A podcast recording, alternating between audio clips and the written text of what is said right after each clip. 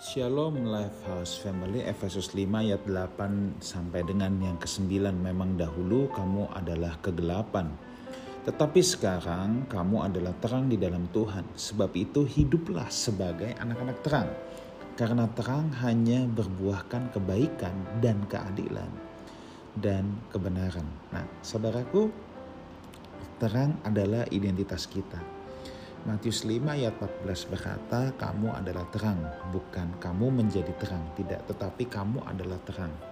Setiap kita dahulu hidup dalam kegelapan, identitas kita adalah kegelapan. Dan sejak kita mengikut Tuhan Yesus, maka identitas kita diubah oleh Tuhan.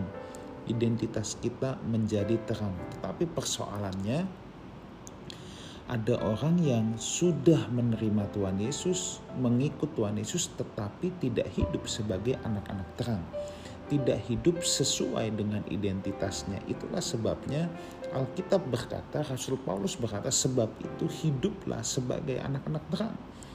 Karena adanya orang-orang terang yang tidak hidup sesuai dengan identitasnya. Ibaratnya anak raja tetapi tidak hidup sesuai dengan identitasnya anak raja. Dan itu tidak bisa saudara. Atau seumpama seorang dokter yang identitasnya adalah menolong orang ada sumpah jabatan. Tetapi kalau seorang dokter tidak hidup menurut identitasnya maka ia bisa saja tidak mau menolong orang ya. Justru mendahulukan komersialisasi dan lain sebagainya. Ada tiga ciri yang Paulus katakan sebagai orang-orang percaya yang hidup sesuai identitasnya yaitu anak-anak terang. Yang pertama berbuahkan kebaikan. Yang kedua keadilan. Yang ketiga kebenaran. Orang yang hidup sebagai anak terang ke mana pun pasti akan menebarkan kebaikan bukan kejahatan yang ditaburkan tetapi akan menaburkan kebaikan. Bertemu dengan siapa pun ia pasti ingin berbuat baik kepada sekelilingnya.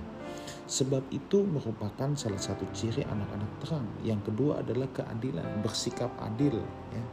Bersikap adil artinya tidak memihak, tidak mengambil keputusan berdasarkan like and dislike ya keadilan atau fairness itu sangat sangat erat kaitannya dengan yang namanya kejujuran. Hanya orang jujur yang bisa berbuat adil. Lalu kebenaran. Anak-anak terang pasti hidup berbuahkan kebenaran. Dalam situasi dan kondisi apa pun, ia akan hidup di dalam kebenaran.